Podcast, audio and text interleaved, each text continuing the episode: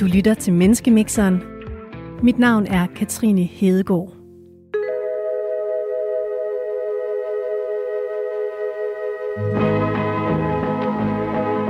En fængselspræst, en medicinstuderende og en veteran kommer ind på en bar. Det er det galleri af personer, du kommer til at møde i programmet i dag. Der er det vildt hyggeligt hernede. Skal, der, skal jeg rykke ind, eller hvad? Mit navn er Ruben Fønsbo. Jeg er 59. Jeg er fængselspræst. Når jeg ser mig selv i spejlet, ser jeg en person, der tror på Gud og på det gode i andre mennesker. Der står tre spillemaskiner i hjørnet, der dufter af pariserbøf, og mågerne synger over bugten. Der var en, der fik jackpot der. Jeg hedder Amar Ali Musa, og jeg er 27 år gammel. Jeg er lægestuderende, mit hår er skjult under mit tørklæde, og så har jeg altid chili sauce i køleskabet. Jeg hedder Michael Bang, og jeg er 44 år. Jeg er veteran af forsvaret. Og når jeg ser mig selv i spejl, så er jeg en person, der tror på kristendom i almindelighed. Og så har jeg altid mælk, ost og smør i køleskabet. Hvad sker der, når de her tre mennesker mødes for at tale om livets store spørgsmål og hvad der rører sig lige nu? På restaurant Havnens Varmestue i Aarhus. Er du okay? Det er Er fint. de rykker til dig på? Ja da. Du lytter til vores program om tro, eksistens og fordomme, Menneskemixeren, her på Radio 4.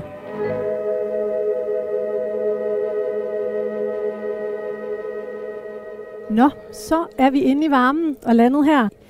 Her bag ved os sidder der et selskab på seks ældre herrer med slips og snaps i glasset. De har bestilt sild. Ved siden af os sidder der tre unge sømænd med fuld skæg, tatoveringer og ring i øret. De har bestilt pariserbøf. Og der er altså forskel på, hvordan tre sultne sømænd sætter gaflen i en pariserbøf, og så hvordan seks pensionerede ingeniører går til en sillemad. Der er simpelthen forskel på den kraft, der bliver lagt i gaflen.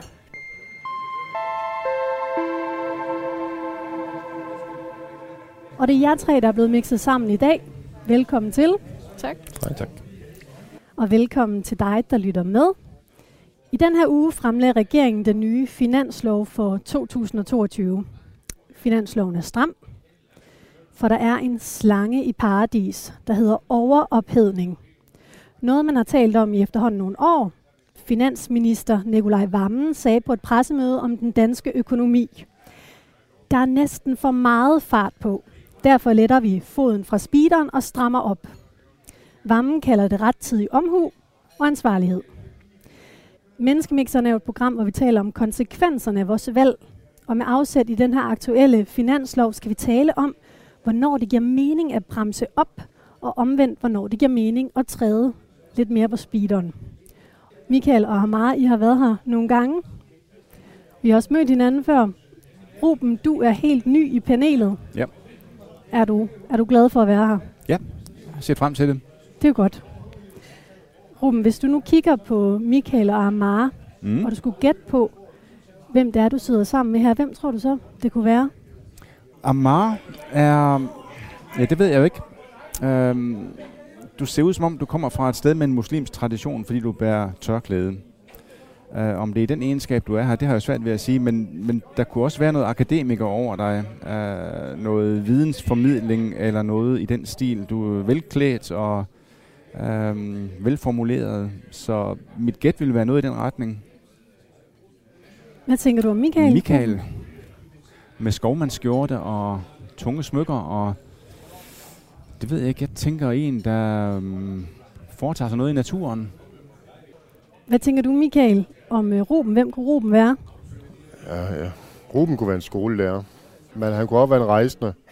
Jamen, jeg ved, ja, det, den er også svær, ikke? Altså, det er også sådan en tilpas afslappet skjort, som jeg selv, ikke? Og, og pænt trimmet hår og flotte briller og det hele. Altså, Hvad tænker du om uh, uh, Ruben Amar? Jamen, jeg tænkte faktisk også gymnasielærer, før du sagde det. Øhm, men øh, det kan være alt muligt. Øh, det kunne også være ingeniør, har jeg lyst til at sige. ja. Nu skal I høre her. Michael Bang Simonsen, veteran. Amara Ali Musa, medicinstuderende. Ruben Fønsbo, fængselspræst.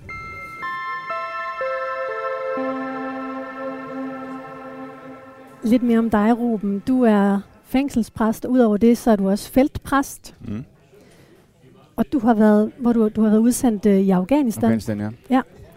Nu er du ansat som præst i Endermark Fængsel, Ja. der har erstattet det gamle Horsens Statsfængsel i 2006. Ja. Endermark er et af de mest sikre fængsler, vi har i Danmark. Det er rigtigt. Og lige nu sidder der 235 mennesker. 238 her til morgen. Der er lige kommet lidt flere.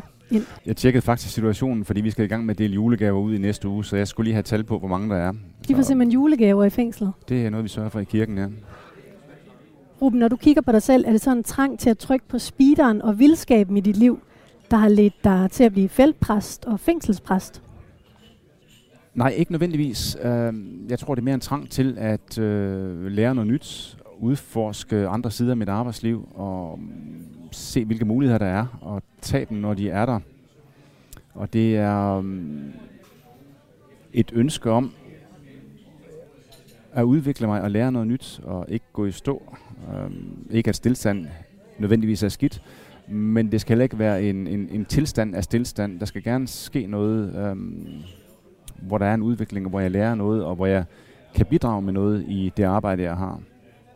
Michael Bang Simonsen, veteran, beskriver sig selv som kristen i al almindelighed, socialdemokrat, for 11 år siden udsendt til Afghanistan som sygehjælper i Camp Price og Armadillo. Michael, hvis du skal beskrive dig selv som menneske, er du så en fornuftig mand, der ofte trykker på bremsen, eller, er du mere, eller har du mere hang til gaspedalen? Jeg har nok haft mere hang til gaspedalen. Uh, nu er jeg jo skadet veteran, så, og har derfor også selvfølgelig fået noget øh, erstatning. Og, øhm, så, så jeg har også haft en, øh, en del midler mellem her fingrene, og når man, man er som ufaglært vokset op og, og, og lige pludselig får midlerne, så store midler, så, så skal den da lige have lidt gas. Uh, men men uh, alt med måde. Uh, men jeg mener da helt bestemt, at, at, øh, at jeg, jeg er tilbageholden nu, øh, eller træder på bremsen, om, om man vil, ikke? Øh, og mener, det er sundt. Øh, jeg tror det, jeg tror, det er yderst sundt for vores samfund lige nu at træde lidt på bremsen. Det vender vi tilbage til. Amar Ali Musa, medicinstuderende, 27 år, bliver færdig som læge med din kandidat Ja. til sommer. Lægevikar i børn og unge, psykiatrien, så er du palæstinensisk baggrund, men har boet i Danmark hele dit liv. Muslim, der beder fem gange om dagen. Du er læge, og det kræver virkelig, det kræver noget at komme ind på det studie. Så jeg tænkte på, trykker du ne- nogle gange lidt for meget på ambitionsspeederen i dit liv? Ja, det gør jeg. Øhm, og det gjorde jeg især, da jeg gik i gymnasiet. Der var jeg 12-talspige, så skal jeg kategorisere det. Øh, og andet end 12, det var ikke tilfredsstillende. Så kom jeg på universitetet og blev bare introduceret for flere forskellige mennesker. Og folk med forskellige baggrunde. Og lærte også, at det kan ikke gå så stærkt hele tiden. Altså det, det handler ikke om at få 12 mere. Altså det, det handler mere sådan også om personlig dannelse, end det gør den akademiske dannelse. Altså medicinstudiet, det kræver rigtig meget af en. Så du er nødt til at læse, du er nødt til at være disciplineret nok til at gøre det. Man kan sige, at man samler jo mange kloge mennesker i et sted, og de er mega ambitiøse, og de vil gerne være lægevikar, og de vil gerne forske, og det er øh, top-tunet mennesker, og så det er mennesker, der kan rigtig meget. Og så bliver man selvfølgelig påvirket af det nogle gange. Og så skal man lære at balancere.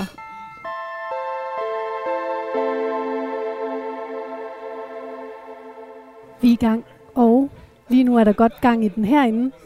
Indimellem kommer der lige en måge ned og vender over taget, og ellers så sidder der et selskab her bag ved os, og de har efterhånden fået lidt snaps. så der er lidt gang i den, men jeg håber, at I kan høre, hvad, hvad hinanden siger. Jeg har taget et raflebær med, fordi inden vi sådan rigtig for alvor dykker ned i den her snak, vi skal have i dag, så skal vi lige rafle om, hvad vi skal tale om til sidst. Jeg har nemlig en liste med livets helt store spørgsmål her, og hver uge rafler vi om, hvilket af de her emner, vi skal tale om til sidst. Så nu sender jeg lige raflebadet rundt. Hvis jeg kan finde en plads og kaste terningen her. En træer. Hvor får du den, Michael? Tor. Ja. Her var en sekser. Ja. 15 i alt. Det vil sige, at vi i dag skal tale om, er ensomheden et vilkår? Jeg tænker, det er sådan et rigtig præstigt spørgsmål. Er det ikke det, Ruben? Det er i hvert fald et spørgsmål, jeg godt kan relatere til i kraft af mit arbejde, fordi der er for nogen ensomhed et vilkår.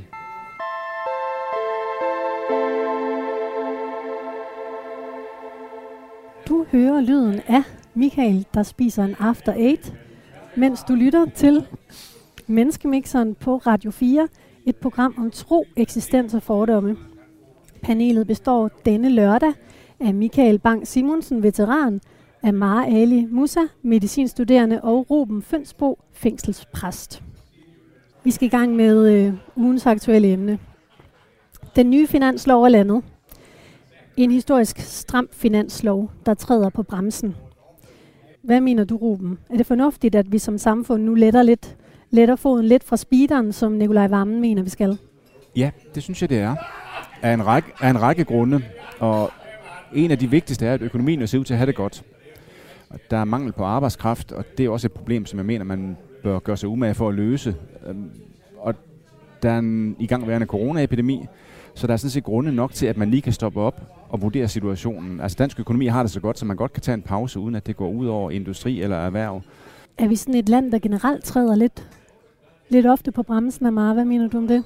Altså det synes jeg ikke, når vi klarer os så godt øh, i forhold til andre lande i verden. Øh, så er vi også et land, der tør og kigger også på udvikling, også for eksempel når det kommer til miljø og, og sundhedsvæsenet, så gør vi nogle ting, andre lande ikke kommer i nærheden af, så det synes jeg ikke, vi gør. Der er jo sådan den helt store finanslov, der styrer Danmarks økonomi, og så er der vores egen sådan private økonomi, og vores, vores eget private liv. Jeg ved ikke, om I kan genkalde jer snakken med pensionsselskabet, hvor man bliver spurgt, om man er, hvor høj ens risikovillighed er. Jo mere man trykker på speederen, des mere er der både mulighed for at vinde og tabe.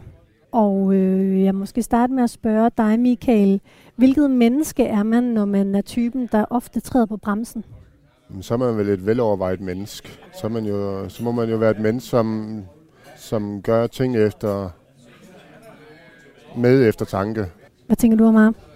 Ja, jeg er enig. Altså, jeg har selv den konflikt med mig selv. Jeg er tryghedsmenneske, tryghedssøgende, men samtidig vil jeg også gerne udvikle og tage chancer.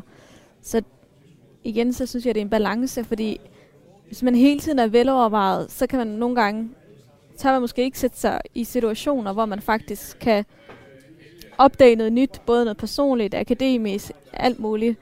Øh, så det er en balance. Øh, man skal heller ikke være for, altså trykke for meget på bremsen. Øh, det tror jeg bare, det var også måske give et kedeligere samfund, hvis vi alle sammen gjorde det. Ja. Jeg benytter tit hver lejlighed til at blære mig med min storebror. Han er IT-direktør i en efterhånden ret stor dansk virksomhed, og han har fuld fart, både ild i røven og hovedet og økonomien. Og han får ting til at ske. Han har gang i den. Han er virkelig eksemplet på en type, der, der trykker på speederen. Har vi ikke brug for, for nogle flere mennesker, som, som trykker på speederen på den måde? Er det ikke det, vi har brug for nu i vores samfund, hvor der mangler arbejdskraft? Jeg tænker nogle gange på det med at trykke på speederen, når jeg kører på motorvejen. Indtil for et år siden boede jeg i Tyskland og kørte ret ofte frem og tilbage mellem Aarhus og, og Flensborg. Og øhm, der, skal, der skal begge dele til. Der skal man nogle gange træde på speederen, nogle gange skal man trykke på bremsen. Og, og der skal man i høj grad også gøre det, som jeg synes er vigtigt i for eksempel den økonomiske situation eller i sit eget liv, at man skal vurdere, hvad der er plads til her. Er der plads til, at jeg kan træde på bremsen, lave en overhaling, sætte fart på et eller andet, eller skal jeg holde afstand, træde på, på bremsen, tage den med ro, og se, hvordan ting udvikler sig. Fordi man kan som regel ikke overskue nogen situation ret langt frem, og det gælder både i privatlivet, i trafikken, i erhvervsøkonomi og forskellige andre sammenhænge, at vi baserer os mest på kvalificerede gæt og på erfaring. Og så skal man også være indstillet på en gang imellem, så kommer man for hurtigt frem og skal træde på bremsen. Og jeg tror, den balance, der ligger i at gøre det velovervejet, som Michael også sagde, altså øh, ret tid i omhu, tror jeg er vigtigt i alle sammenhænge. Men øh, hvis Danmark nu var et menneske, så kunne man forestille sig, at det lige nu var et menneske, der altid købte afbestillingsforsikring, aldrig hoppede op i en vild rutsjebane og altid, altid gik tidligt hjem fra festen. Hvilket land ville vi så få, hvis øh, vi havde sådan et, øh, et land, der, der trykkede på bremsen og gik ind for ret tid omhu hele tiden? Jeg tror ikke, vi risikerer at havne i den situation. Jeg kan godt, godt lide tanken, fordi den er sjov at lege med. Men, men Danmark er jo ikke, det er jo ikke en enhed. Øh, det er jo næsten 6 millioner individer, som er styret af 179 andre individer. Alex van for eksempel, som siger, at vi skal give den fuld gas og sænke topskatten eller fjerne topskatten. Og, og Nikolaj Vammen, som jeg normalt ikke er særlig enig med, men er meget enig med her, hvor han siger, at vi godt kan træde på bremsen og tage den med ro og, og, og lige se tingene an. Um, så jeg, jeg har svært ved at se, billedet fungerer i virkeligheden, at, at ting vil gå i stå, hvis, hvis vi som nation eller som helhed ikke tog chancer, fordi det vil der altid være nogen, der gør. Vi har nogle, nogle virksomheder, nogle industrier, som er borget af mennesker, der har taget chancer, og som så har drevet det meget vidt. Men du siger det her med, at der måske, jeg hørte dig sige et eller andet med, at der er en grænse for væksten. Ja. Og lige nu har vi brug for en pause. Altså vi har jo ikke siddet og reflektere, hvad så når vi er færdige med det, så er toget kørt. Jamen, jeg tænker heller ikke, det, tager nogen, vi, det vi tager nogen skade at vi, tager, vi springer et tog og tager det næste. Altså, så lad tog køre. Mm. Øh, altså, hjulene de skal dreje rundt, og det skal dreje rundt, så, så vi kan opretholde det velfærd, de ønsker, vi har til vores velfærd i dag. Men jeg kan godt genkende det, du siger med, at Danmark er, et, hvis man skulle se det som en person, så er det en person, der bestiller afbestillingsforsikring og alle de her ting.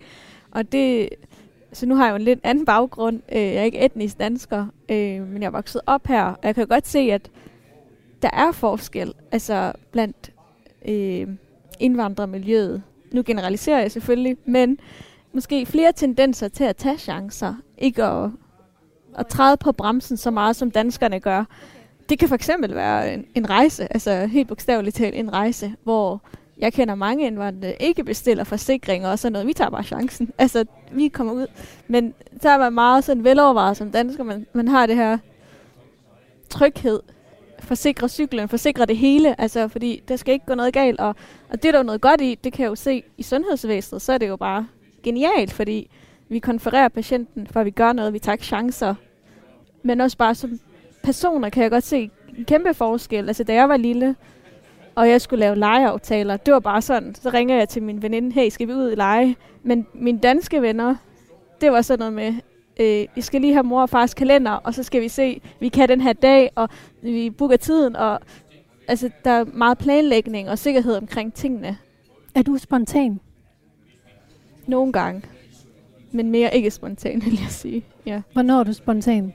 Det, det kan jo for eksempel være øh, impulskøb. Øh, hvis jeg gerne vil have et eller andet produkt, som jeg synes, der er for dyrt, så kan jeg godt finde på at gøre det, selvom jeg ved, okay, det er ikke så velovervejet. Eller jeg er ikke måske så spontan, når det kommer til min karriere eller uddannelse. Der er mere velovervejet. Ruben, du fortalte i din, da jeg præsenterede dig, at du kunne godt være lidt bange for stillstand. Kan du prøve at uddybe det lidt? Ja, øh, H.V. Kodon skrev et digt, der hedder Elsker den brogede verden, og der siger han, kamp skal der til, skal livet gro. Ej kamp blot for daglig brød. Øh, men kamp for frihed i liv og tro, til evig stillstand er død. Og det synes jeg er meget sigende i forhold til det her med, at man kan også stå så meget stille, så man vokser fast. Og det kan jeg indtil videre ikke se noget positivt i for mit vedkommende. Så derfor holder jeg mig også relativt ofte i bevægelse, altså i både arbejdsmæssigt og socialt og privat og udviklings- og uddannelsesmæssigt. Men da jeg skulle til Afghanistan som feltpræst, der havde jeg også planlagt det sådan, at da jeg kom hjem igen, havde jeg tre måneder og tre ugers fri. Så jeg kunne sidde under et pæretræ hjemme i kærestens have og glo ud i luften. Fordi der havde jeg formentlig brug for at være stille, og det viste sig, det havde jeg. Jeg sad stille i tre måneder og sagde ikke ret meget, og drak kaffe og så solen stå op, og så solen gå ned igen. Og Øh, Hvorfor havde du brug for at være stille? Fordi der havde vældig, vældig meget fart på. Øh, dels med forberedelsen til udsendelsen. Der var, øh, jeg har en militær fortid, så det var ikke så omfattende for mit vedkommende. Men øh, det tog omkring tre måneder at forberede, og det var noget med øvelser og skydetræning og pakning af grej og få det sendt ud og sådan nogle ting.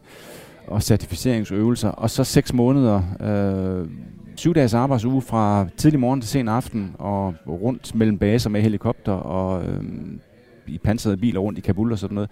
Så jeg var indstillet på hjemmefra, at det ville blive hektisk, og at jeg nok ville få brug for at tage den morgen, når jeg kom hjem. Og det viste sig at holde stik. Hvordan kan du genkende det, Michael? Du har også været i Afghanistan, det der med at bruge for, for stillstanden, når man kommer hjem.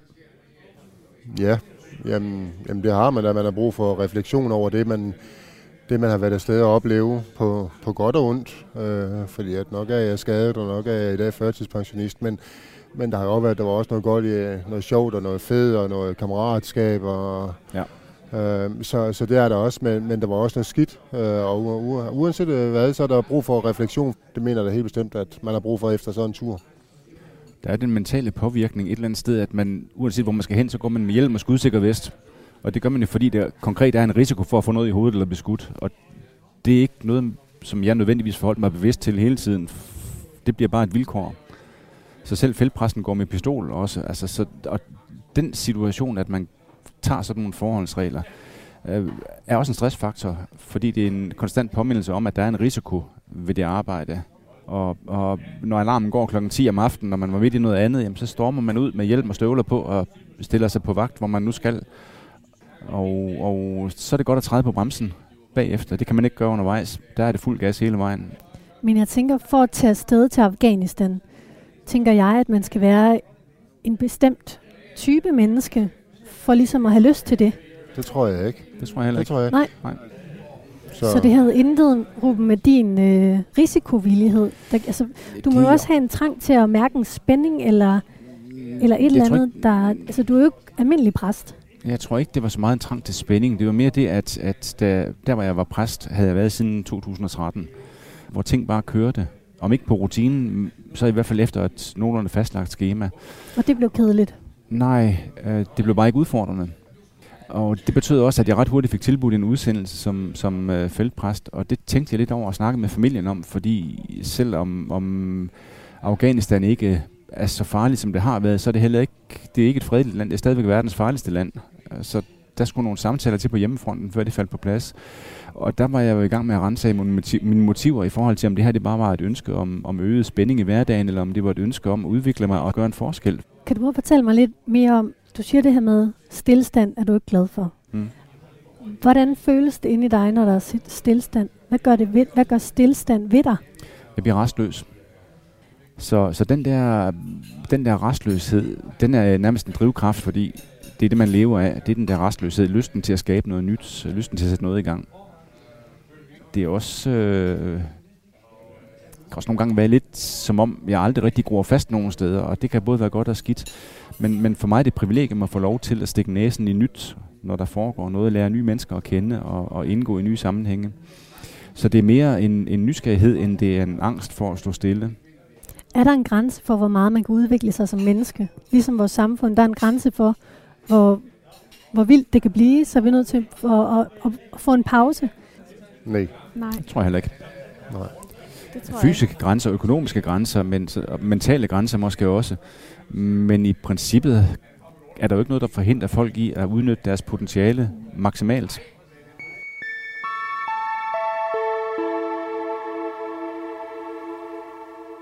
Sidder I godt?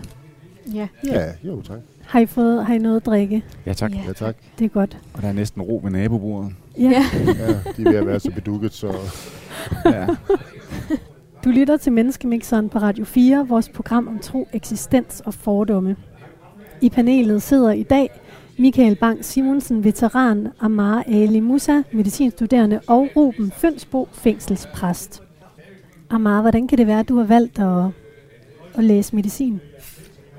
Jamen altså, en ting er, at øh, jeg gerne jeg har altid vidst, at jeg skulle arbejde med mennesker. Men en anden ting, der drev mig, det var det der med, at medicin, verden, åbner bare op for mange muligheder, og mulighed for hele tiden at lære noget nyt. Hvordan har du det med, med folk, der ikke vil udvikling? Jeg kan godt blive lidt irriteret, hvis jeg skal være ærlig. øh, øh, altså, folk må jo selvfølgelig gøre det, de vil, men, øh, men det der med, at man kan se, at der er nogen, der har et potentiale, de ikke udnytter. Det er bare synd, og hvis man kan motivere og inspirere folk, øh, så vil jeg altid gribe den mulighed. Men det er jo selvfølgelig ikke altså, mit ansvar at sørge for, at folk lever op til deres potentiale. Det er de selv herover. Du fortalte, da jeg præsenterede dig, at du er en 12 Ja. Hvem er det, du præsterer for? Ja, det er et godt spørgsmål. øhm, Det er da forhåbentlig et eller andet sted dig selv. ja, altså, ja, Eller er det mor og far? Ikke? Altså, det, der er jo masser af muligheder. ja, jeg tror, der er mange dele af det. Øh, jeg tror helt sikkert, det også er en del af, hvordan man er vokset op derhjemme. Øh, og jeg tror også, noget af det er bare mig, øh, fordi jeg er jo også anderledes end mine søskende, som også er vokset op med de samme forældre. Og så er der jo også samfundet, som presser en. Øh, og så måske har jeg det også sådan, altså som muslim, så vil jeg gerne gøre mit bedste, for jeg dør, og så har jeg gjort min del i, det her, i den her verden. Så det er nok en blanding af mange faktorer. Øh, men jeg tror, den største drive, det er inde i mig selv.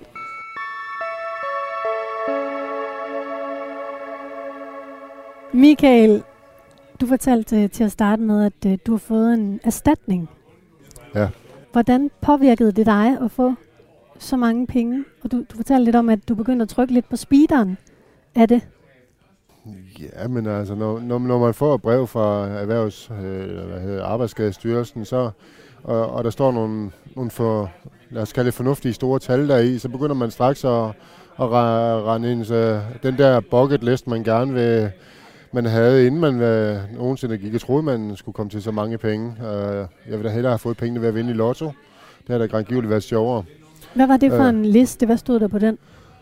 Åh, jamen, jeg har altid kørt i bil, øh, biler, sådan uh, brugt, gamle brugt biler og sådan noget der. Altså, når man så folk, de kørte i store, flotte biler, og man tænkte, hold op, man, kunne det være lækkert at prøve at sætte sig ind. Og den der duft, der er i en splinter ny bil, altså den, den, den var der på, og, og den blev opført ud i livet, og det kostede mig også på 100.000 og i tab efterfølgende. Men Hvad var det for en bil?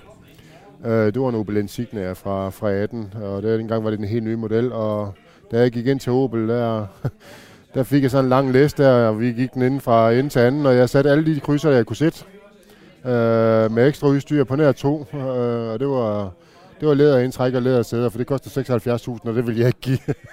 og jeg havde så sat, da jeg gik af, jeg havde sat øh, helt bestemt besluttet mig for, at jeg ville ikke købe bil over en halv million. Og der var egentlig en Mercedes, jeg gerne ville have haft, men den kostede øh, en halv, øh, halv million og 5.000. Så den kunne jeg ikke købe, fordi at jeg holdt mig til min, min krav. Men jeg købte en uh, Insignia til 484.000, og den kostede 340.000, inden jeg begyndte at fylde ekstra udstyr i den. Så, så, så, så jeg gav den lidt gas. Og hvad gjorde det så ved dig, da du så fik den bil? Ikke en skid. Det var unødvendigt. Så jeg købte mig en uh, Citroën C3, og den havde jeg i halvanden år. Og nu kører jeg Mercedes Stationcar fra 14 i stedet for. Uh, så, men så C3'eren, det var lige at gå under mit, uh, mit acceptable niveau. Ja. Det er også, der sker heller ikke noget, når man træder på speederen. Ikke en skid. Nej. Michael, vil du ikke fortælle mig lidt om, det er noget med, at du har indført en regel i dit liv, i forhold til, hvad Ja. du køber? Jeg har hørt om nogen, der var der også var kommet til skade af at få penge, øh, hvor det var gået op i fest og farver og pjat og pjank. Og inden de så sig om, så, så koster en weekend med, med kammeraterne 1.500.000, fordi de gav. Og, og så mange penge får vi heller ikke i erstatning, så man har råd til at gøre det i mange weekender. Har du prøvet at, at være at øs, øsle ud med penge på den Ja, måde? til familie. Ja. Øh, jeg har lånt penge ud, jeg har også brændt fingeren på det. De ting, jeg køber, enten så skal de sprede ekstremt meget glæde, eller også så skal jeg kunne føle det fysisk. Købe en drone. Øh, jeg har ikke mindre end to nu. Jeg kan godt lide at flyve med drone. Men, men det skal være noget, jeg kan, jeg, der ikke går i stykker, noget, der forsvinder her nu, og noget, jeg kan holde røre ved. Så jeg ved, at jeg har fået noget for mine penge. Øh, En båd har jeg også købt, ikke? Så, Så hvad er din regel? Jamen min regel det er, at, at det er det er noget, jeg skal mærke, kunne mærke. Enten inde i hjertet, eller også imellem hænderne.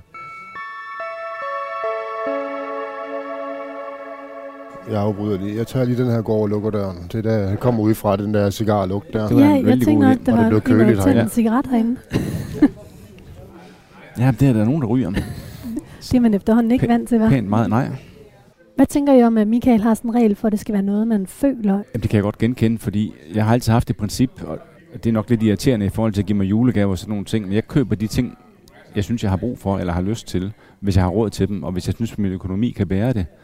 Altså, da jeg læste på universitetet i 10 år, der havde jeg ikke en krone. Der var, der var dage, hvor jeg havde 50 kroner til mad til mig og mine to børn.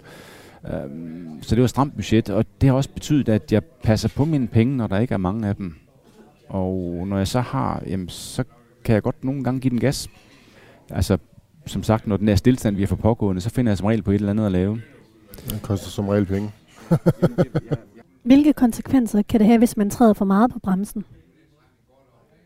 At når man dør, så kan man se tilbage på et liv, hvor man har spænket og sparet, man har glemt at leve, man har glemt at nyde, man har glemt at elske, man har glemt, glemt at leve. Øhm, og jeg tror, det må være en af absolut de største bitterheder, bitterheder man, kan, man kan komme ud for, det er at glemme at leve. Hvad tænker I to andre om det? Jamen, jeg tænker også, det er helt rigtigt, og det, jeg tænker på, det er også... Altså, for mig er det bare vigtigt som menneske, og som jeg ønsker for alle mennesker, at vi har bevidsthed. Og jeg tror, det er det, øh, der nogle gange, som jeg sagde tidligere, kan blive irriteret over folk, der måske ikke bruger deres potentiale. Det er ikke, at de ikke bruger det, men det er den der manglende bevidsthed omkring sig selv. Øh, eksempel, jeg kan jo have meget kontrol, men jeg er bevidst omkring, nu giver jeg slip. Nu er jeg i kontrol. Nu giver jeg slip. Øh, Men det kræver også et vist overskud at kunne det her meget. Det er jo ikke alle, der har det overskud. Nej, men jeg vil ønske, at vi på en eller anden måde alle sammen lærte det. Øh, altså bare fik undervisning i det i folkeskolen. Det er, jo, det er jo en kunst. Det er jo ikke bare lige noget, man har. Vi er meget privilegerede, fordi vi er i stand til selv at vælge i vidt omfang, hvornår vi vil give den gas, og hvornår vi vil træde på bremsen. Men der er mange mennesker i Danmark, som ikke har det privilegium. Jeg omgiver mig med 238 af dem til hverdag. Og I fængslet, det, ja, hvor du er en, en, en del af dem er i de situationer, de er i, fordi de ikke har haft andet valg. Har man ikke altid som menneske et valg? Et valg om at Jo, jo, jo. røve en bank, eller lade Jo. være? Jo. De har Og- så valgt at røve banken. Ja, Eller og det, Deres forudsætninger, de er jo nok også Det har- anderledes det- det har- af. ja, det er en ting. Og den anden ting er, at når de træffer det valg, så er det fordi, de ikke har noget valg, der er bedre. Altså alle mennesker, Måske. Det er vel ikke Nej. gældende for nej, alle. for hvis de, havde, hvis de havde et valg, der var bedre, så havde de truffet det. Det er fordi, Selv- du tror på det gode i mennesket, ikke Ruben? Det er jo ikke alle, der Jo. gør det. Nej, det Det er en jeg meget godt. humanistisk måde at se det på. Eller også skulle Jo. jo ikke se andre valg. Altså, hvis du, Præcis. hvis du ikke kan se det, de, de Men, men så, er det valg, også, så, er det også, så er det også det bedste valg i situationen, hvis ikke, hvis ikke de kan se noget bedre. Alle mennesker gør det i en given situation, som er bedst i situationen. Og det kan godt være, det at slå et andet menneske ihjel, eller stjæle en bil, eller tage narko, eller hvad det nu kan være. Men hvis der havde været et bedre valg, så havde de med stor sandsynlighed truffet det. Så nogle mennesker har ikke det valg, som vi har. Det kan da aldrig nogensinde være det bedste valg at slå et andet menneske, menneske ihjel. Jamen, man gør det af den grund, at der ikke er andre valg i situationen. Hvis det handler om din egen overlevelse, øhm, så kan du godt komme til at slå et menneske ihjel. Hvis det er et hjemmerøveri, der løber fra dig, kan du komme til at slå et andet menneske ihjel. Hvis du er på flugt fra et bankrøveri, kan du komme til at skyde en politibetjent. Og det gør du for at slippe væk fra. Og nogle mennesker har ikke andet valg end at plyndre en bank, eller tage noget narko, eller slå et andet menneske ihjel. Og de har ikke valg mellem at træde på speederen eller at slappe af.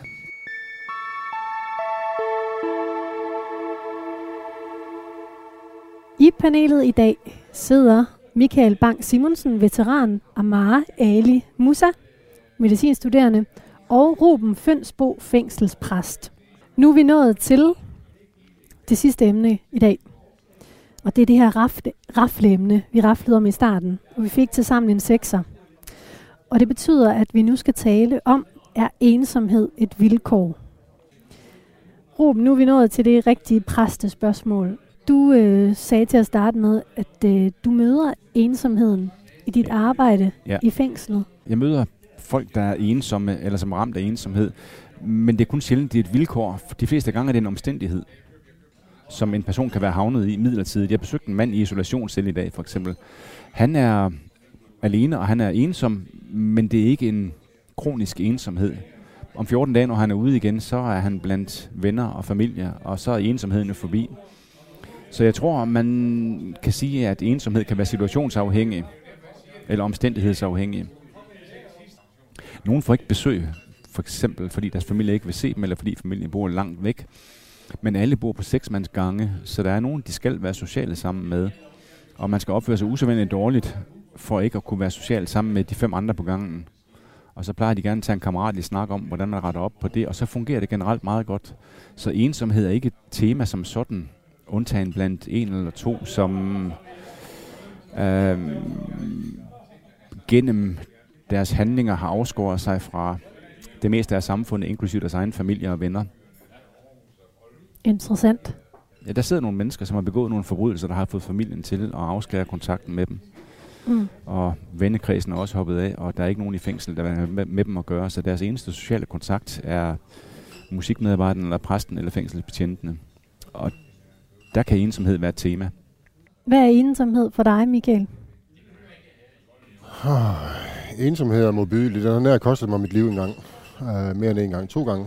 Uh, i forbindelse med min sygdom, hvor alt, hvad der hedder vennekreds forsvinder, og familie forsvinder, og så, så, så den, den, er, den har haft en stor, en stor indflydelse i mit liv, og, og ja, som sagt har koster kostet mig livet ikke? Øh, to gange, hvor, fordi at, altså, jeg kan forholde mig til at have PTSD, jeg kan forholde mig til at være syg, jeg kan forholde mig til nedtur, økonomisk nedtur i sygdagpengesystemet kan være en hård tur øh, øh, øh og lang. Øhm, men ensomhed, det, det er en dræber øh, i sin værste, øh, når den folder sig virkelig ud. Og jeg kan, jeg kan kun takke et telefonnummer øh, til, til noget, der hedder Veteranstøtten, øh, hvor der, der er døgnbemand, hvor der sætter andre veteraner og tager røret i den anden ende, når du ringer. Og har, det ikke, har den ikke været der, så har jeg heller ikke været her i dag. Øh, så så ensomheden er den, er den mest modbydelige fjende, jeg har mødt nogensinde. Øh, fordi den, den kommer i ly af natten, og den kommer med mørket. Og så kan du nok sætte og kigge på din telefonliste og din venneliste, men når du ikke føler, at du har nogen, du kan snakke med og række ud til, så, så, så er du ensom. Øh, og derfor er jeg, jeg mener, at ensomheden er en dræber, og fordi at den kan, du opdager den sjældent komme, før det egentlig er for sent. Øhm. Hvordan føles ensomheden? Jeg havde engang en, øhm, en blog. Jeg havde en blog, hvor jeg egentlig skrev åben og ærlig om min sygdom, da jeg startede med at øh, i systemet. Og jeg tog, jeg, jeg tog, tog billeder af mig selv, hvor jeg var virkelig ensom, og hvor, øhm, hvor tårerne de render ned ad kinderne, og, og fortalte 100% ærligt om, hvad jeg tænkte, hvad jeg følte, hvordan jeg havde det. Øhm, ensomhed, det er sorg. Det er, det er manglende kærlighed. Det er manglende omsorg, manglende øh, empati for ens person, øh, interesse. Øh, det er sådan ensomheden føles, når den er værst. Øh, den er altædende, og den kan fjerne alt, 110 procent alt håb for fremtiden. Og det er også derfor, at nogen de ender med at, og jeg kunne have hent samme, øh, samme måde. Så når du ikke har nogen, der holder af dig, og du ikke kan finde nogen, der holder af dig, jamen, så, så, så er du ensom. Hvad tænker du om det her, Mara, når du hører Michael fortælle? Jamen, jeg bliver rørt. Jeg synes, det er virkelig modigt og stærkt, at du deler det her. Øh, det ville jeg aldrig have mod til at dele, hvis det var mig. Det ved jeg. Øh, så jeg synes, det er inspirerende, at man kan være så sårbar. Øh, og jeg har aldrig oplevet, heldigvis, altså noget så øh, ensomhed i den grad. Jeg tror, jeg har stødt på den. Øh, altså, for mig så er ensomhed ikke øh, nødvendigvis, øh, så betyder det ikke nødvendigvis, at man er alene.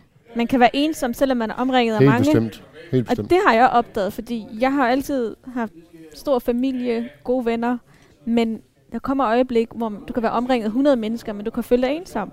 Ja. Øh, kan du komme i tanker med et øh, konkret eksempel på det, hvor du har oplevet det? Altså nu blev jeg skilt for nylig for eksempel, og der har det jo også været en kæmpe ting for mig, og en stor sorg.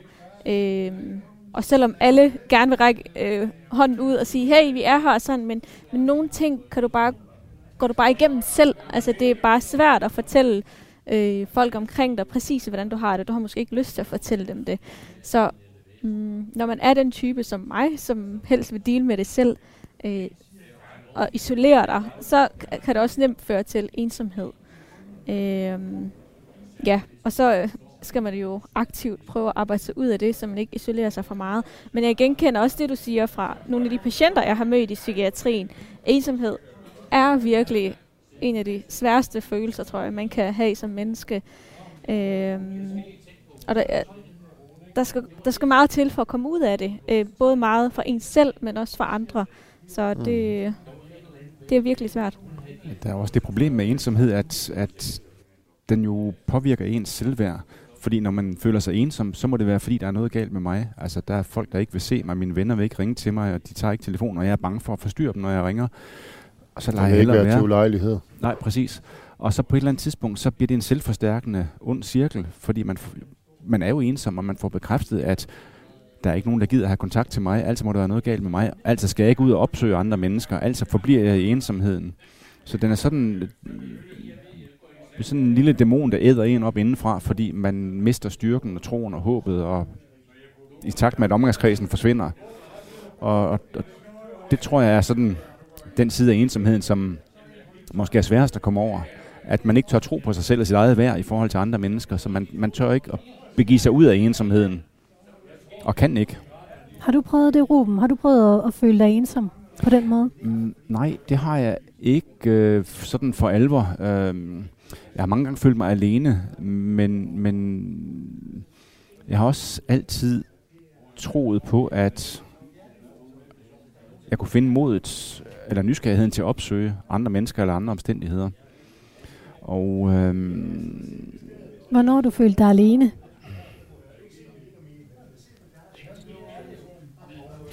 Jamen, det er sket. Nu boede jeg i Tyskland, og min kæreste boede i Danmark, mine børn boede i Danmark. Og øh, der har været nogle gange i dagen op til jul, hvor jeg har tænkt, det kunne nu være fedt, hvis der var nogen, der kom hjem til. Og jeg har ikke følt mig alene, fordi jeg vidste, at anden juledag ville de komme hele kylderet. Altså, jeg har ikke følt mig ensom, men jeg har bare tænkt, nu er jeg alene. Og så var der mig og katten i huset i juledagen, og så var det fint. Øh, også fordi jeg vidste, det var en overskuelig periode. Jeg har ikke følt mig alene i lang tid. Og jeg har ikke sådan følt mig ensom i den betydning, som Michael for eksempel fortæller om. Det er meget bevægende at høre om. Uh, og der kan jeg kun være taknemmelig for, at jeg ikke har været i tilsvarende omstændigheder. Flygter du fra ensomheden? Ej, ikke altid. Nogle gange nyder jeg den. Flygter du fra ensomheden, som du flygter fra stillstanden? Det gør jeg ikke. Um, og det måske fordi jeg er så heldig, så jeg som regel ved, hvornår ensomheden ender for mit vedkommende. Fordi jeg kan se frem til at skulle være sammen med andre mennesker i en eller anden sammenhæng. Um, nu skal jeg ud og holde foredrag i aften for eksempel. Det var jeg også i forgårs og to gange i sidste uge. Og uh, forskellige andre sociale omstændigheder. I går var vi sammen med naboen og drak gløk og sådan noget. Så jeg ved, at der hele tiden er nogen at være sammen med. Og det er, det er sammenhænge eller personer, som jeg godt gider indgå i og være en del af. Da det, Amara siger det der med, at man godt kan være ensom, selvom man er sammen med andre. Og så sagde du, Michael, det kunne du godt genkende. Ja. Eller du nikkede i hvert fald, da Amara Ja, fortalte om ja, det. altså, øh, altså, Selvom man ved, at man skal holde foredrag eller til gløk hos naboen, så kan man jo godt være ensom alligevel i den kontekst. For mig er det et spørgsmål om at vælge de sammenhænge, jeg indgår i. Fordi jeg kan sagtens følge den der med, at man kan føle sig ensom. Altså, kan godt stå til en eller anden stor social ting med 400 andre mennesker og tænke, åh, oh, her er jeg helt alene, og der er ikke nogen, jeg kender, og ikke nogen, jeg kan snakke med. Og så er jeg i det, og det kan godt være lidt træls. Det kan jeg sagtens genkende. Men jeg er også med alderen blevet bedre til at vælge de sammenhænge, jeg indgår i. Så det også er noget, hvor jeg kan give noget, og i høj grad få noget igen. Jeg synes, den del, der er svært, det er, at når, altså, hvis jeg sådan helt nøgten kigger på det, hvor mange i mit liv kender mig fra da jeg var 20, 25 eller 30 år. Hvor mange, altså den person jeg var, og kender mig rigtig, altså, kender mig rigtig godt, så har jeg ikke nogen tilbage. Jeg kan ikke, jeg, der er ikke et ens navn at tage. Øh, nu er jeg 44 år gammel. Øh, Hvor blev folk af? Hvorfor forsvandt de?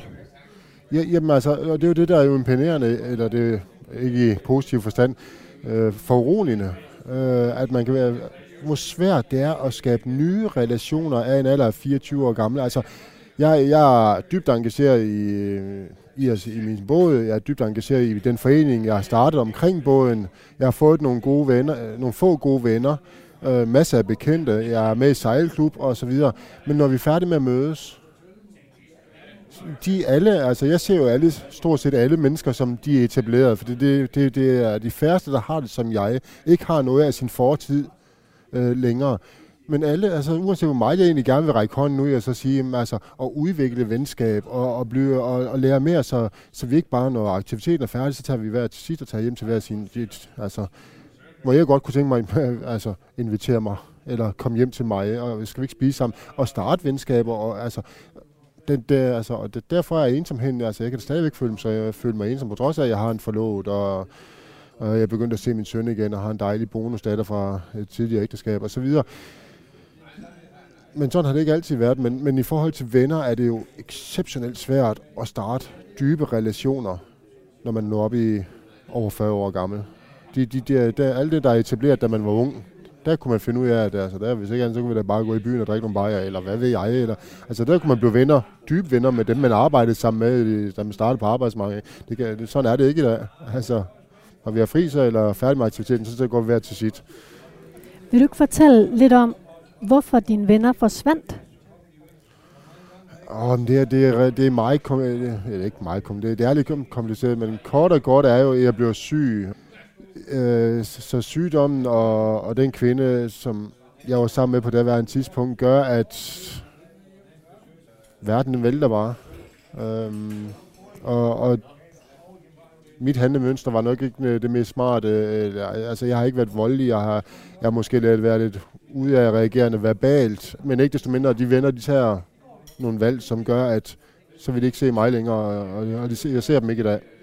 Øh, altså, så altså, jeg, jeg kan heldigvis se mig i spejlet og så sige, at altså, jeg har ikke været udadreagerende, jeg har ikke været modbydelig i mit sprog, jeg har ikke været modbydelig øh, altså, på den måde. Men, men det har haft nogle konsekvenser. Jeg, øh, de gange, jeg har rækket hånden ud til de vennepar, som der, der er tale om, jamen, den bliver ikke taget imod, jamen, så kan jeg ikke stille noget op. Jo. Så selvom jeg gerne vil have nogen fra min fortid, der kender mig, og, og som jeg egentlig holder af og elsker, ikke? Altså, men man kan ikke, man kan ikke snakke til døve ører. Så.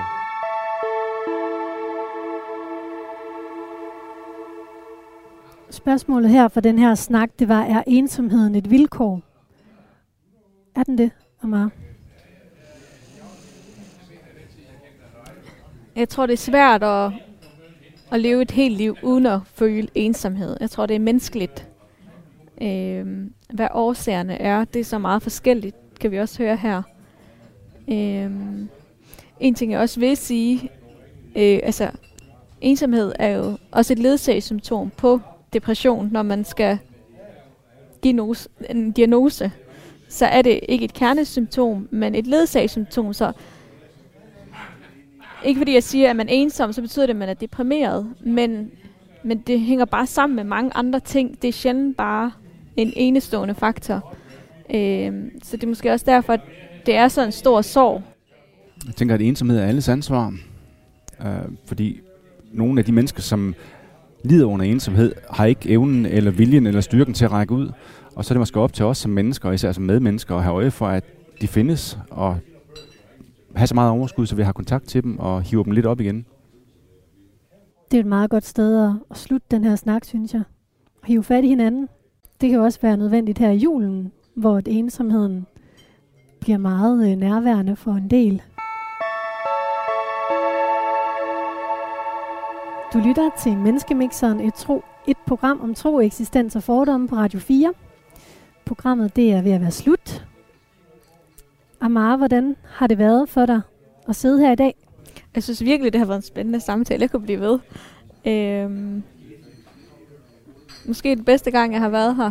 Øhm, Hvorfor det?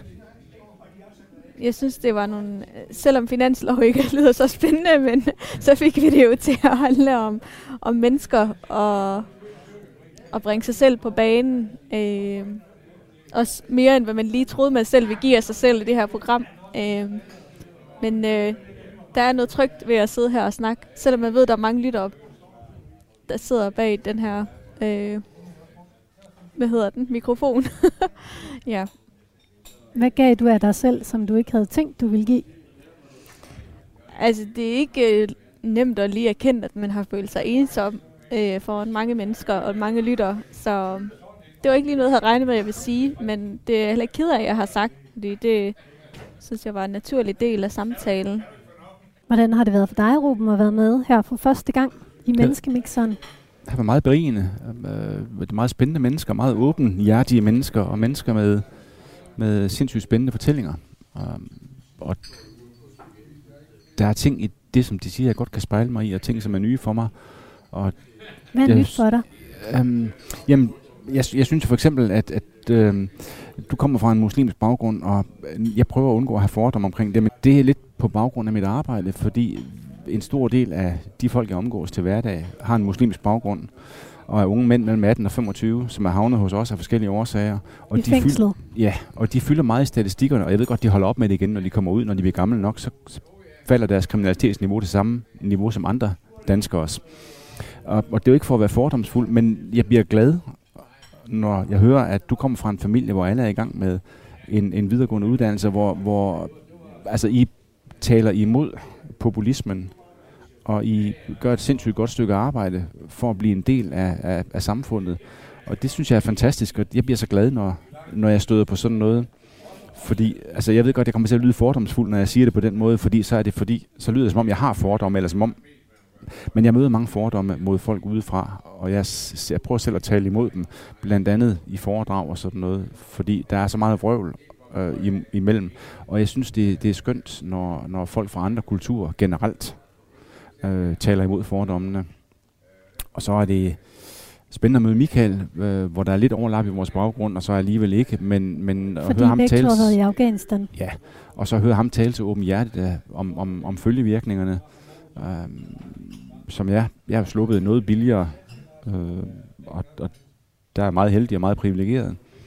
Så det sætter også, øh, sætter også mine erfaringer i perspektiv at møde jer to. Så tak for det. Hvad tænker du, Michael, om, om dagens snak, og hvad tager du med dig herfra i dag? Mm, Jamen, altså, ligesom altid synes jeg, at vi har en god snak og, og åbenhed og imødekommenhed er, er en stor del af, af bordet. Uh, det, det synes jeg altid, det er. Um, men jeg, jeg, nu har jeg jo fornøjelsen af meget at møde hende igen, uh, og Ruben er jo en uh, ekstremt interessant fyr. Mand, må man nok med at kalde ham. Øhm, gammel mand. Ja. så øh, jamen, jeg, synes, jeg synes, jeg har fået nogle gode, øh, noget gode, noget, nogle gode indblik i de personer, jeg sidder overfor. Øh, og om det er Amara med muslims baggrund, eller om det er en øh, fængsels feltpræst. Øh, jamen altså, der, der, der er nogle dybere ting i det, ikke? Altså, det, og det, det, det synes jeg, det er lækkert øh, at få det fra, eller få det med.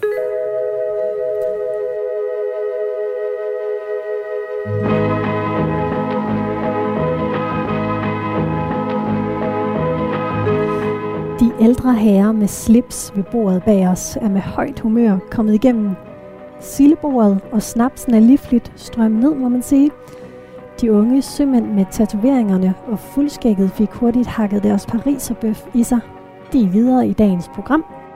Der er nemlig forskel på, hvordan vi spiser, hvor meget vi nyder og hvor hurtigt vi lever, hvor meget vi trykker på speederen og hvornår vi har brug for ro.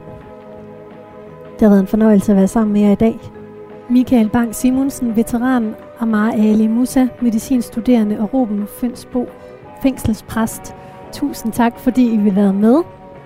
Jeg håber, I har lyst til at komme igen en anden dag. Jeg er tilbage næste lørdag med et nyt panel mixet sammen af nye mennesker.